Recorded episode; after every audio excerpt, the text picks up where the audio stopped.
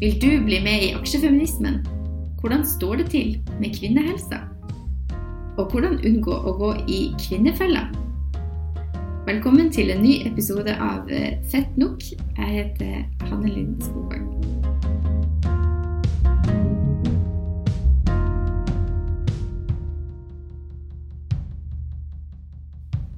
Nå sitter jeg her med dere, Mona Jibril og Mari Lilleslåtten. Hvordan går det med dere? Jo, det går bra. Takk som spør. Eh, bra etter forholdene, som man sier nå om dagen. Ja, det går helt greit. Jeg har fått lønn, og så skal jeg gå og kjøpe planter. Så det kunne ha gått verre. Ja, Hva slags planter skal du ha? Bare noe som gjør at jeg føler meg bedre. Grønne. En grønn en. Ja. Ikke med blomster, de kommer til å visne. ja, nei, ikke vi. Jeg hadde en fiken, som, sånn fiolinfiken som døde i går, så jeg må kjøpe en ny. Mm. Eller den ble, døde sikkert for lenge siden, men ble erklært død i går, da. Så jeg skal jo kjøpe planter snart. Apropos liv og død, eh, eller helse, så har jeg det siste tenkt over at det er eh, stadig flere saker om kvinners helse i de store mediene. Forrige uke så leste jeg om Maria på 21 som hadde, eh, eller som har, da, endometriose. Er det en eh, sykdom dere kjenner til? Ja. Det, men jeg hørte jo ikke om det før eh, ganske langt ut i årene, holdt jeg på å si. Um, men da jeg, på en måte fikk vite om det, så var det plutselig altså, sykt mange av vennene mine som sliter med det. Eh, og det er jo veldig, veldig lite å gjøre med selve diagnosen. Mm. Ja, og så tar det så lang tid før man får diagnosen, som jo også er et sånn kjempeproblem. Jeg vet ikke når jeg først hørte om endometriose, men det begynner å bli noen år siden nå, altså, vil jeg si. Men jeg føler også at det er en sånn yrkesskade nærmest ved å være med i liksom fett og i de miljøene som jeg er i, på en måte. Mm. Ja. Ja, da, da er man jo ofte opptatt av liksom hashtag kvinnehelse eh, som et litt sånn overordnet felt, og der er endometriose ofte en sånn sykdom som er en av de første man får høre om. Jeg tror ikke jeg hørte om det før jeg var ganske voksen, og det er eh, kanskje 10 eh, av alle kvinner har denne sykdommen. Mm. Og det er et problem som kan bli verre med årene også, sånn at det er litt viktig å oppdage det tidlig, Mm, sånn som jeg skjønte. Mm. Jeg kan også anbefale en bok av Karen Havelin som handler Les pakningsvedlegget nøye, heter den. Som, det er en roman som kom for i fjor, to år siden, tror jeg. Som handler om endometriose, egentlig. Mm, spennende, da. Ja, og det er jo eh, stadig mer kunnskap om endometriose, eh, den sykdommen, og adenymose, en beslekta sykdom. Og det tenker jeg at er resultatet av at det er mange som vil at det skal eh, forskes mer om dette, og at, eh, ja, at man skal lære om det på ungdomsskolen. Da. Men eh, vår erfaring er vel kanskje det at det brukes lite energi på, på kvinnehelse som felt. Men nå, eh, for ca. en måneds tid siden, så eh, satte regjeringen ned et uh, nytt uh, utvalg som skal utrede status for kvinnehelse eh, i Norge. Det er jo bra, er det ikke det? Jo, greit at det er noe som skjer, da. For jeg er litt um, matt av hvor lite kunnskap det er. Det er på en måte alltid sånn Ja, jeg vet ikke helt hvordan det kommer til å påvirke akkurat deg som person. Når det gjelder p-piller og sånn, f.eks., så er det på en måte alltid Mye av det med kvinnehelse er på en måte bare sånn en gjettelek, virker det som. Ja, og det er så sykt mye av det som det Ut ifra hva jeg har får høre fra bekjente som studerer medisin f.eks., så er liksom typisk kvinnesykdommer som ikke bare omfatter sånn reproduktive sykdommer, men også liksom MS, ME, depresjon, og liksom også sånn mus- muskel- og leddsmerter. Sånn typisk liksom, ting som har litt vage symptomer, kanskje, som er på en måte forbundet med kvinnehelse. Det er også det mest usexy å jobbe med. Mm. Ja, det har lav status. Hvis du skal gjøre karriere, så er det ikke det du, du går for. Ja, det er sånn jeg har skjønt det, i hvert fall. Som også er utrolig trist, syns jeg. da. Og veldig sånn spesielt, for det er jo ganske stor overvekt av kvinner på medisinstudiet akkurat nå også. Så man skulle jo kanskje tro at da kommer revolusjonen også. Ja, det kan, det kan, jo hende. Men det er jo også ganske sånn bredt, da, eller det hvis man skal si liksom at kvinnehelse er overskriften, så er jo det både um, sykdommer som bare rammer kvinner, men det er jo også sykdommer som både menn og kvinner får, men som typisk det er liksom overvekt av kvinner som får, sånn som du nevnte, muskel- og skjelettlidelser og en del psykiske lidelser. Vi kan jo være eh, enige om at det er eh, på tide at man eh, både får leger som kan mer om, om kvinnehelse, og at alle som går på skolen osv. lærer mer om kvinnehelse. Men tror dere det er liksom regjeringsnedsatte utvalg som får oss dit? Jeg tror at det er viktig for at det skal satses på bestemte områder. Vi hadde en sak i Fett for et par år siden i nummeret som handla om sex. Den saken ligger også ute på fett.no, så den kan jeg anbefale å lese. Der Ellen Emilie Henriksen har intervjua en lege om vulvaklinikken. Og det er liksom tre leger som jobber til sammen i 25% stilling i Oslo. Og så er det en til klinikk i Trondheim. Og de har seks måneders ventetid på klinikken.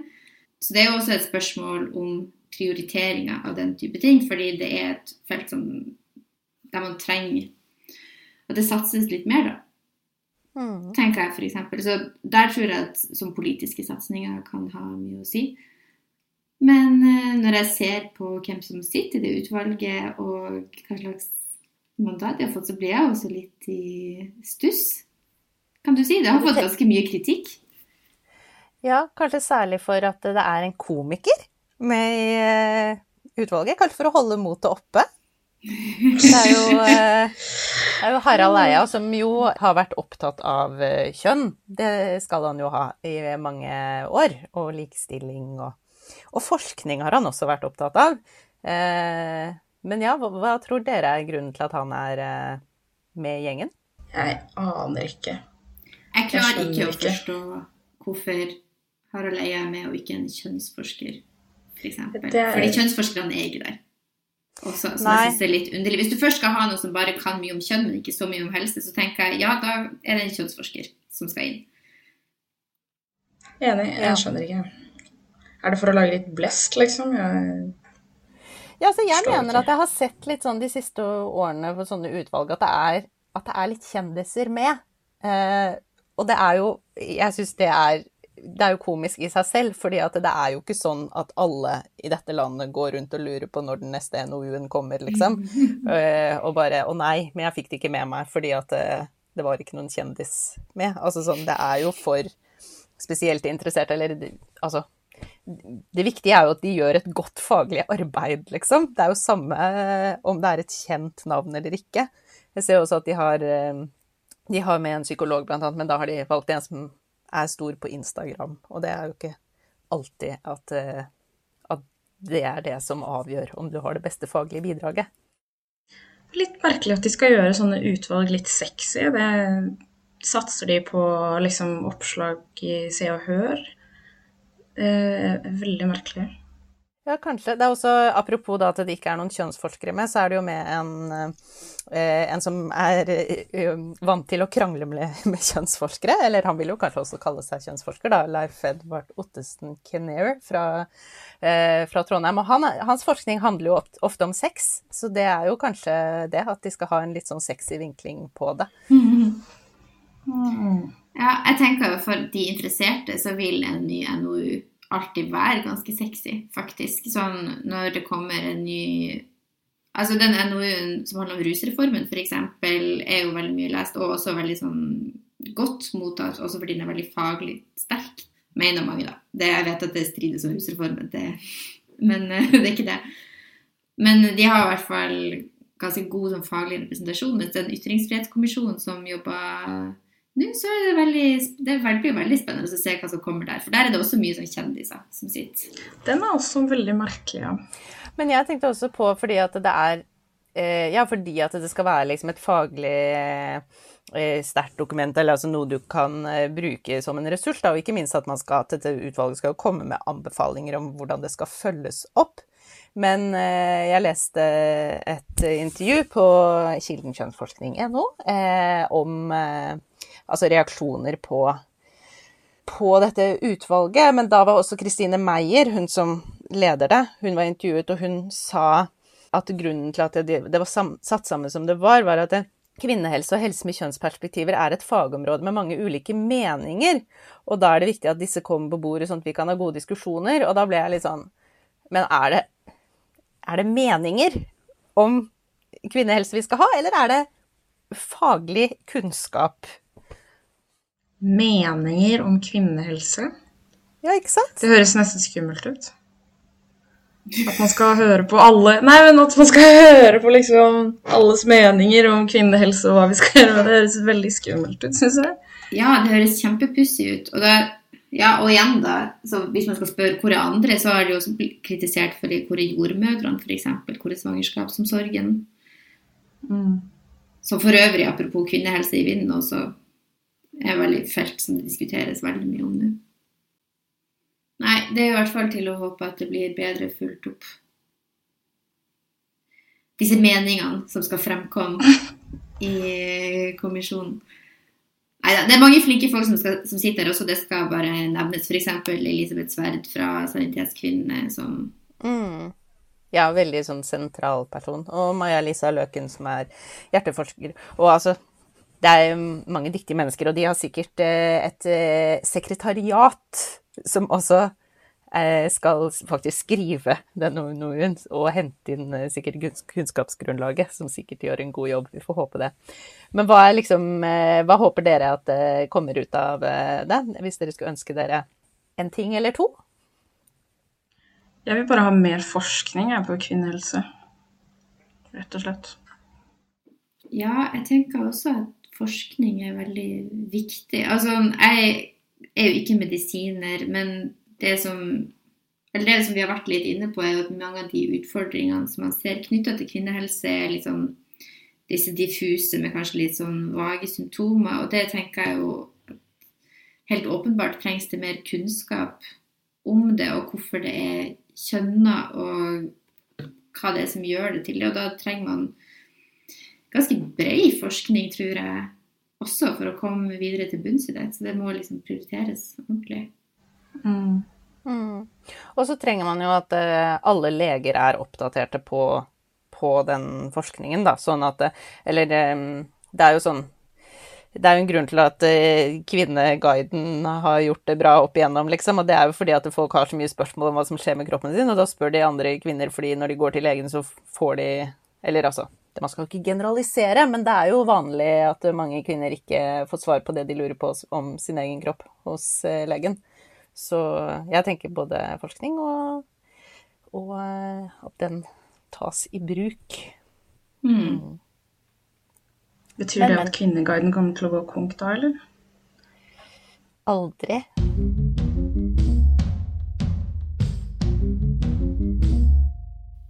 For noen år siden, når jeg var hjemme i Bodø, så eh, bladde jeg gjennom en sånn kasse med ting som jeg hadde tatt vare fra, på fra min barndom.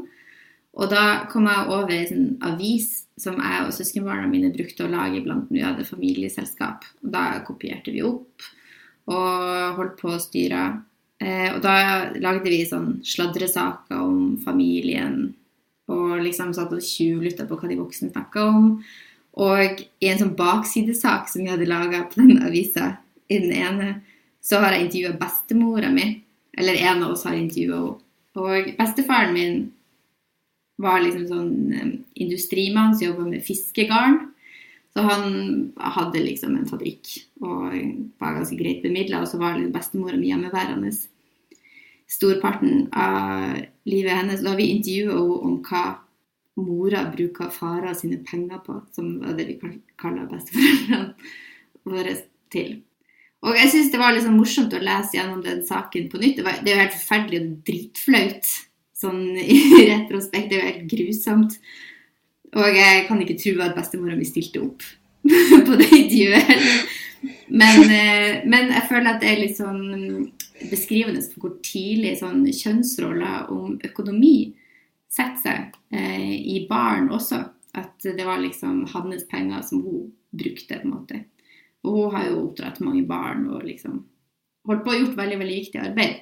Men hun har også på en måte gått i ganske mange sånne såkalte kvinnefeller som vi skal snakke om både nå og litt seinere. Det høres ut som redaktøren eh, for Fett var tidlig ute med sin journalistiske innsats, men at du kanskje hadde litt mer sånn eh, tabloid eh, vinkling på ting som barn, eller hva, Hanne? Ja, det kan man si. Ja, det er forferdelig å se tilbake til, men Men hva brukte hun alle pengene på? Nei, jeg tror hun brukte de Det husker jeg faktisk ikke. Men hun brukte dem på mat typ. Som man bør. Som man bør. For hun har jo tatt vare på husholdninga i mange år. Og faktisk også fordi bestefaren min ble teknologisk inkompetent i ganske tidlig alder, så hun har liksom tatt seg av tech-delen de siste årene. Ja. Hmm.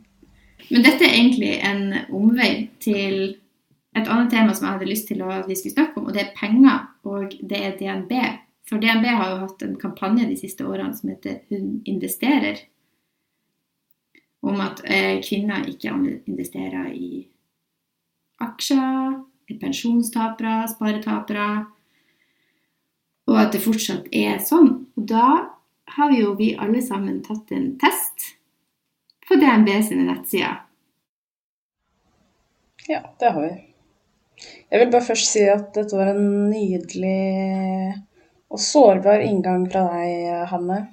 Jeg setter pris på den flotte historien fra nord. Til et sånn beinhardt, urbant tema. Finans. Ja, som vi vet bare finnes i uh, byer. Jo, vi tok de testene, da. Og de uh, Hva var det de gjorde? De skulle vise eller uh, fortelle oss hvor bevisste vi var eller noe sånt på økonomi og sparing og finans. Ja, hvordan gikk det med dere, da? Nei, altså, jeg fikk jo den hardeste dommen man kan få. Eh, som var Jeg må si at jeg kanskje tok den litt med harelabb. Det var jo enten-eller-spørsmål hele veien. Livet er jo ikke så enkelt, DNB. Men eh, dommen over meg var at jeg er litt usikker det syns jeg var litt fælt. Det er usikre tider, så Du har egentlig rett. Den forteller meg at jeg var klart motbevist, men det er ikke sant i det hele tatt. Men når, den, men når de stiller spørsmål som eh, er det lurt å spare penger hver måned? Så sier jeg ja, men betyr det at jeg gjør det? Nei. Så det er noen hull i den quizen der. Det, det var også et av spørsmålene som var Er du ambisiøs? Ja. Hva mener de med det? Ambisiøs på onsdager, ja. Altså på mandager ikke så mye. Og hva har det med den Ja. Ja, for de lurer vel på om man er ambisiøs på pensjonskontoens vegne. Men det kunne de jo godt ha skrevet helt rett ut hvis de lurte på det, fordi Ja, det er lett å svare ja på det uten at man blir målbevisst av den grunn. Jeg fikk også litt usikker da, på testen, Mari, så vi er to. Samme båt. Litt usikre typer. Men det er jo også åpenbart når man tar en sånn test inne på DNB sine sider som heter, eller på Hun investerer, så er jo det er jo åpenbart at målet, uansett, liksom, eller resultatet, kommer jo til å bli noe hvor de skal tilby deg Har du lyst til å putte penga dine her, eller? Vi kan hjelpe deg, du burde investere. Altså, noe annet ville jo vært litt merkelig. Mm. Den, den, kom jo veldig opp, den kampanjen var jo veldig sterk nå rett før 8. mars, og da ble jo folk veldig sure.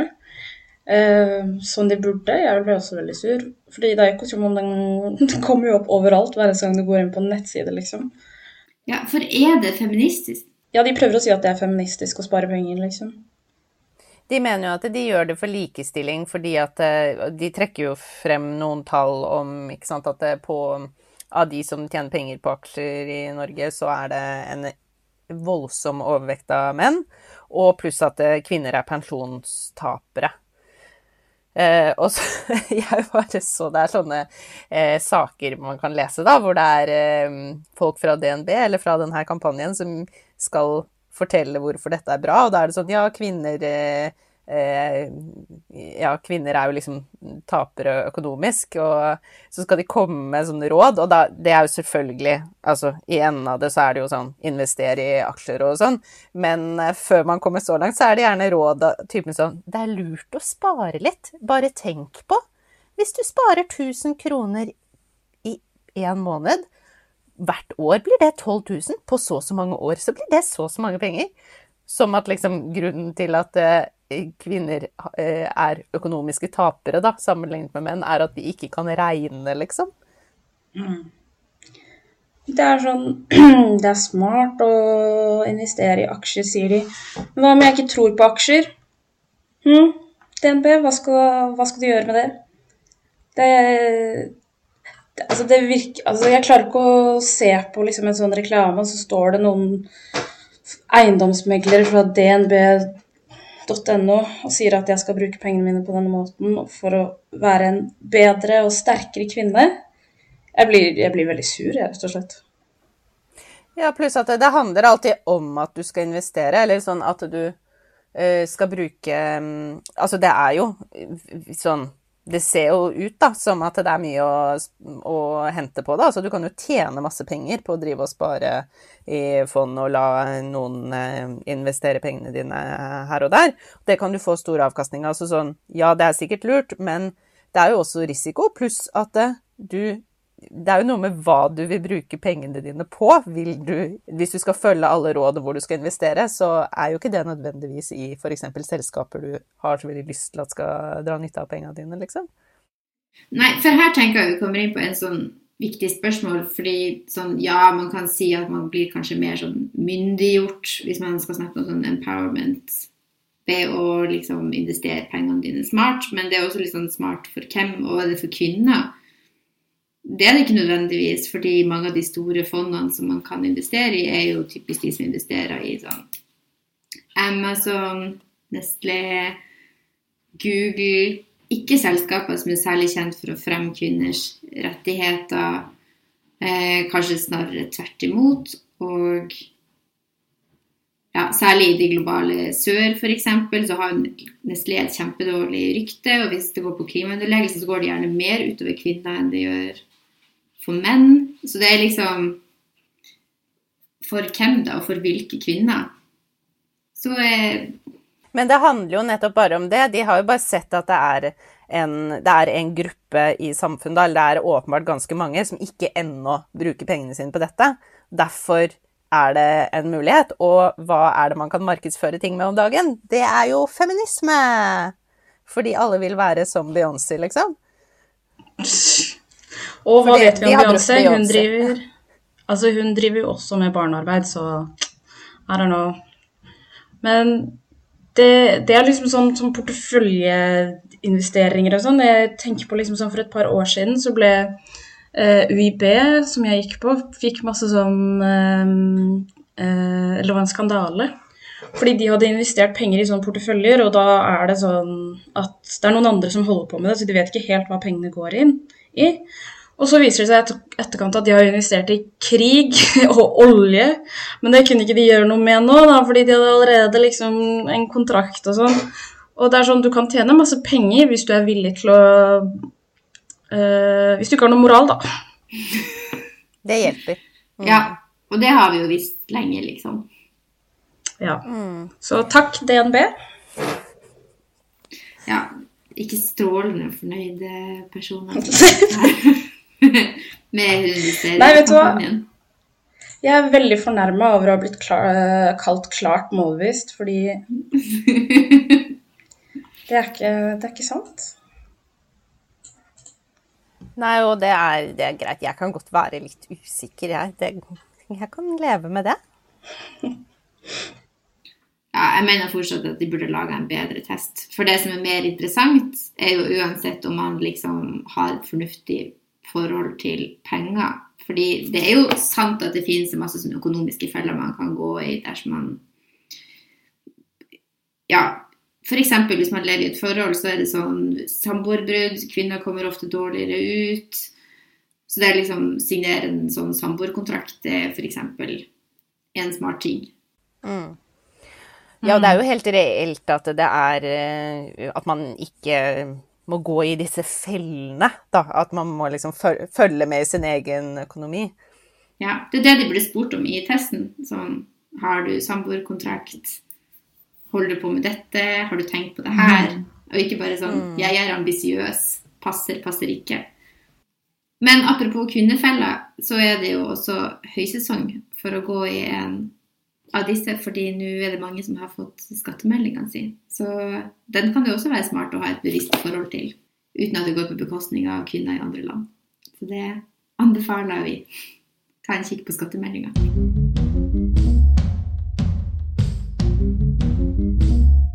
Da går vi videre fra ett dilemma til et annet. Vi har fått tilsendt eh, et eh, feministisk dilemma hvor lytter sier skal man jobbe mindre fordi fritid tross alt er fantastisk og gjør deg mer opplagt, men samtidig gå i kvinnefella rent økonomisk, eller jobbe fulltid og få ditto pensjon, men alltid være litt sliten? Det er jo en veldig sånn typisk, eh, typisk feministisk dilemma. Eh, som dere sikkert også er kjent med. Hva synes dere? Det er jo, det er jo to feller, da. Eller, og jeg vet ikke om, eh, om, man skal kjønne de til å være kvinnefella, men den økonomiske er vel eh, kjent for å være kvinnefella. Det at man går ned Altså at man jobber deltid. Da. Det er jo veldig mange kvinner i Norge som jobber deltid, og da får man mindre penger. Men man kan jo ha veldig mange gode grunner til å ikke jobbe 100% Det er jo på en måte en, en størrelse som eh, ikke akkurat er liksom naturgitt. At alle skal jobbe 37,5 timer i uka. Så eh, jeg tror det er veldig, veldig mange gode grunner til å ikke jobbe 100% Ja, jeg er enig, men samtidig så er det jo akkurat dette med pensjonen, da. Fordi jeg merker at jeg blir også litt sånn stressa av å tenke på at jeg skal få 80 i pensjon, liksom. Fordi når jeg er ferdigjobba, så har jeg ikke lyst til å stresse mer. Så jeg forstår jo veldig godt den uh, dilemmaet, rett og slett. Ja, jeg syns det er så vanskelig. Hvis man skal se veldig sånn Hvis man skal se veldig bredt på det, så tenker jeg sånn hvis du har et mer fantastisk og opplagt liv, så tenker jeg kanskje at en mer opplagt pensjonstilværelse kanskje også er mer sannsynlig. Så selv om det kanskje ikke er en økonomisk investering, så vet vi at stress f.eks. er sånn også en ting som fører til nedsatt, nedsatt helse. Så hvis man stresser mindre, så får man kanskje en lykkelig pensjonstid uansett, med litt mindre penger. Jeg syns det er et kjempevanskelig feministisk dilemma. Og jeg syns det er veldig vanskelig å gi et godt og konkret og klart svar på det. Jeg er helt enig. Jeg vet ikke, jeg. For jeg, jeg, har ikke lyst til å Jeg har ikke lyst til å jobbe fulltid, men jeg vil heller ha Men jeg vil også ha fulltidspensjon. men det kommer jo også an på så veldig mange ting, fordi at eh, det er jo også veldig stor forskjell på hva en sånn 100 eh, jobb eh, gir av penger, da. Fordi at eh, det er jo mange typer jobber hvor du kan eh, jobbe 50% og så sitter du igjen med ganske mye likevel. Hvis du blir investor, f.eks.? Ja, altså sånn Jeg vet ikke helt, jeg. Ja. Finans. Det er jo Du trenger bare jobbe noen timer, vet du, og så bare tikke millionene inn. Eh, men, eh, men, jeg tenker bare at det, ja, at det nettopp kommer an på, fordi det er veldig lett å si hvis man har en kjempegodt eh, betalt jobb, eh, at eh, ja, men herregud, du kan jo bare jobbe litt mindre. Eh, men det er jo noe helt annet hvis at du knapt får det til å gå rundt med en 100% jobb, da. Mm. Nå ja. føler jeg at den som spør også er liksom de som sitter i yrker sånn som sykepleie, da. Hvor egentlig begge to er litt øh, vanskelige kriterier. Altså Jeg, vet ikke, jeg tror ikke den som stilte spørsmålet, er øh, styreleder i DNB. For da tror jeg det går opp uansett, liksom. Jeg tror ikke det er noen som Hvis noen har lyst på fritid, så, men ikke lar seg selv få den fritiden, da, så er det fordi det ikke går opp økonomisk, ikke sant. Det går Mm. ikke an å jobbe 80 Mm. Jeg hørte um, en Den er egentlig noen år gammel. En veldig fin podkast fra den Røsla, den um, podkasten til um, LO Media. Og der, var det- der snakka de om tidsklemma og om eh, grunnene til at så mange jobber eh, deltid, fordi de ikke får det til å gå opp. Men da var det en som sa at eh, eh, hovedgrunnen kvinner oppgir for å jobbe eh, deltid, det er omsorgsarbeid. Mens hovedgrunnen menn oppgir for å jobbe deltid, det er mer fritid. Ja. Så Ja, så spørsmålet er om man kommer til å stresse mindre dersom man jobber mer deltid, for da bare føler man seg forpliktet til å ta på seg enda mer omsorgsarbeid i familien, kanskje. Eller det forventes. Ja. Men løsninga her er jo åpenbar. Vi skal jo ha sekstimersdag. mm, Ikke sant? Ikke sant det? Hvis vi skal rette blikket utover og tenke liksom hva skal man eh, jobbe for politisk, så tenker jeg at det er liksom svaret, da. Så det vi sier er jobb mindre, da. Men kanskje ikke helt ennå. altså at, men det er jo også sånn hvor alvorlig det der behovet for eh, å være mindre sliten er. fordi at hvis det er sånn at det eh, at du liksom ødelegger livet ditt ved å jobbe så mye. Noen elsker å jobbe masse fordi jobben er kjempegøy, mens noen har jobb som tapper dem for energi, liksom. Men eh, selvfølgelig skal man jobbe mindre hvis jobben bare ødelegger livet ditt, liksom. Det er jo Du kan jo bli påkjørt av en buss i morgen. Så eh, hvis du liksom bare skal tenke på pensjon eh, hele livet, og liksom lide din vei frem til den personen skal cashes inn, det mm, Men er det i Det det hele tatt ikke. sosialt liksom sånn akseptert, liksom, å jobbe 80 bare fordi man har lyst til å chille? Fordi ofte når folk jobber 80% så er det fordi det er et eller annet at man, at man er ufør på en eller annen måte, liksom. Jeg har aldri møtt noen som jobber 80 fordi de føler for det. Det er mange det er måter å presentere det at man føler for det på. Da. Det er jo sånn Det er vel kanskje mer akseptabelt hvis man da kommer med liksom de riktige forklaringene, på en måte. Som da gjerne er omsorgsarbeid og behov Ja, for å men det er realisere ikke- andre prosjekter. Eller at man liksom gjør det fordi at man skal utvikle et eget prosjekt. Eller gud Ja. veit, liksom. Igjen, det er jo arbeid. Og omsorgsarbeid er jo også bare å gå hjem og jobbe, ikke sant. For noen år siden så var det en del sånne saker husker jeg, om sånne kvinner som valgte å bli hjemme med barn. I noen år, da, i hvert fall. Eh, etter at de hadde fått unger fordi de syntes det var for tidlig å sende i barnehagen osv. Eh, så eh, de følte jo i hvert fall sa de ofte at de skamma seg litt over det valget, også at de liksom svikta sosialdemokratiet og eh, kvinneprosjektet, eller sånn det feministiske prosjektet og i det hele tatt, tenker jeg. Og jeg husker vi hadde en essay også i Fett for noen år siden som var skrevet av Liv Bjørnhaug Johansen, som for øvrig er sånn aktuell med bok om sykepleieryrket nå. Men var Men hun skrev også litt om at kanskje man har tenkt for mye på at kvinner skal inn i et yrkesliv som er liksom tilpassa menn, og kanskje feminismen er nødt til å tenke litt mer på de kvinnene som faktisk ikke ønsker å jobbe så mye, og finne løsninger som er tilpassa de også. Altså Man har jo gjort en del grep med arbeidslivet, uten tvil, for at man skal på en måte, ta høyde for utfordringer knyttet til amming, fødsel og så videre. Sånn ting man, mange kvinner går gjennom i livet. Men at man Jo, men jeg er helt enig med henne, egentlig. Arbeidslivet er på en måte tilpassa menn i første omgang. Ja, gjerne menn med noen hjemme som lager mat til dem, liksom. Og det er jo eh, ikke helt sånn det fungerer for alle om dagen. Altså, jeg spilte et, eh, et mm, gammelt eh, brettspill fra 80-tallet eller noe sånt nå, i påska, som handlet om dilemmaer, og der trakk man kort som man da skulle eh, overbevise eh, de man spilte med om at de skulle liksom gå for som svar på dilemmaet. Og eh, da var det liksom ja eller nei, eller det kommer an på.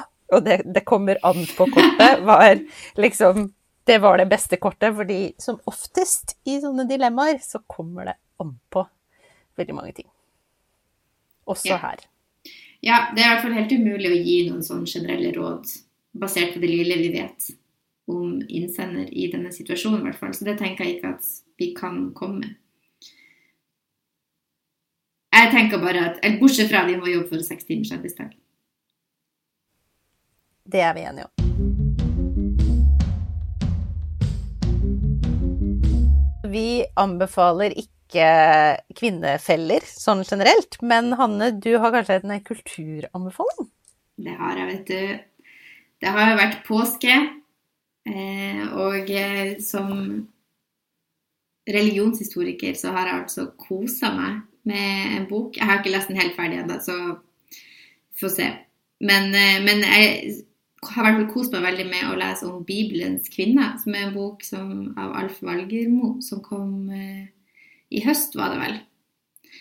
At den først kom ut på Samlaget sin nettside. Og der går, man, går han gjennom sånn Maria Magdalena f.eks., Ester og masse andre kvinner fra Bibelen som vi med fordel kunne hørt enda mer om i KRLE-undervisninga f.eks. Men trolig så hørte du det ikke der, så da kan du lese om de i denne boka i stedet. Det er en eh, anbefaling fra meg dersom man er interessert i den slags. Jeg kan legge til at uh, Litteraturhuset også hadde nå et foredrag med han med, om, med den boka. Så den kan man også se på. Ja, få dobbelt opp. Litt reklame inn fra siden. Litt reklame. Vi tar imot sponsing etterpå, vi Litteraturhuset. Vi vippser etterpå.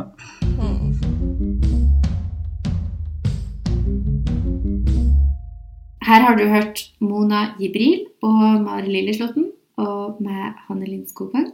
Og så har vi i tillegg Eline Hystad, som er produsent og redaksjonsmedlem i podkasten, samt Jenny Schnaller. Eh, musikken du har hørt, er laget av Anna Liden Berg, og logoen er tegna av Kjersti Johanne Barli. Vi får støtte fra Kulturrådet og Fritt Ord. Det er vi veldig takknemlige for i Fett. Hvis du vil støtte podkasten enda mer, så burde du bli abonnent på tidsskriftet vårt. Der du også kan lese mye mer om de sakene som vi har diskutert i denne episoden. Det kan du gjøre på fettbutikk.com.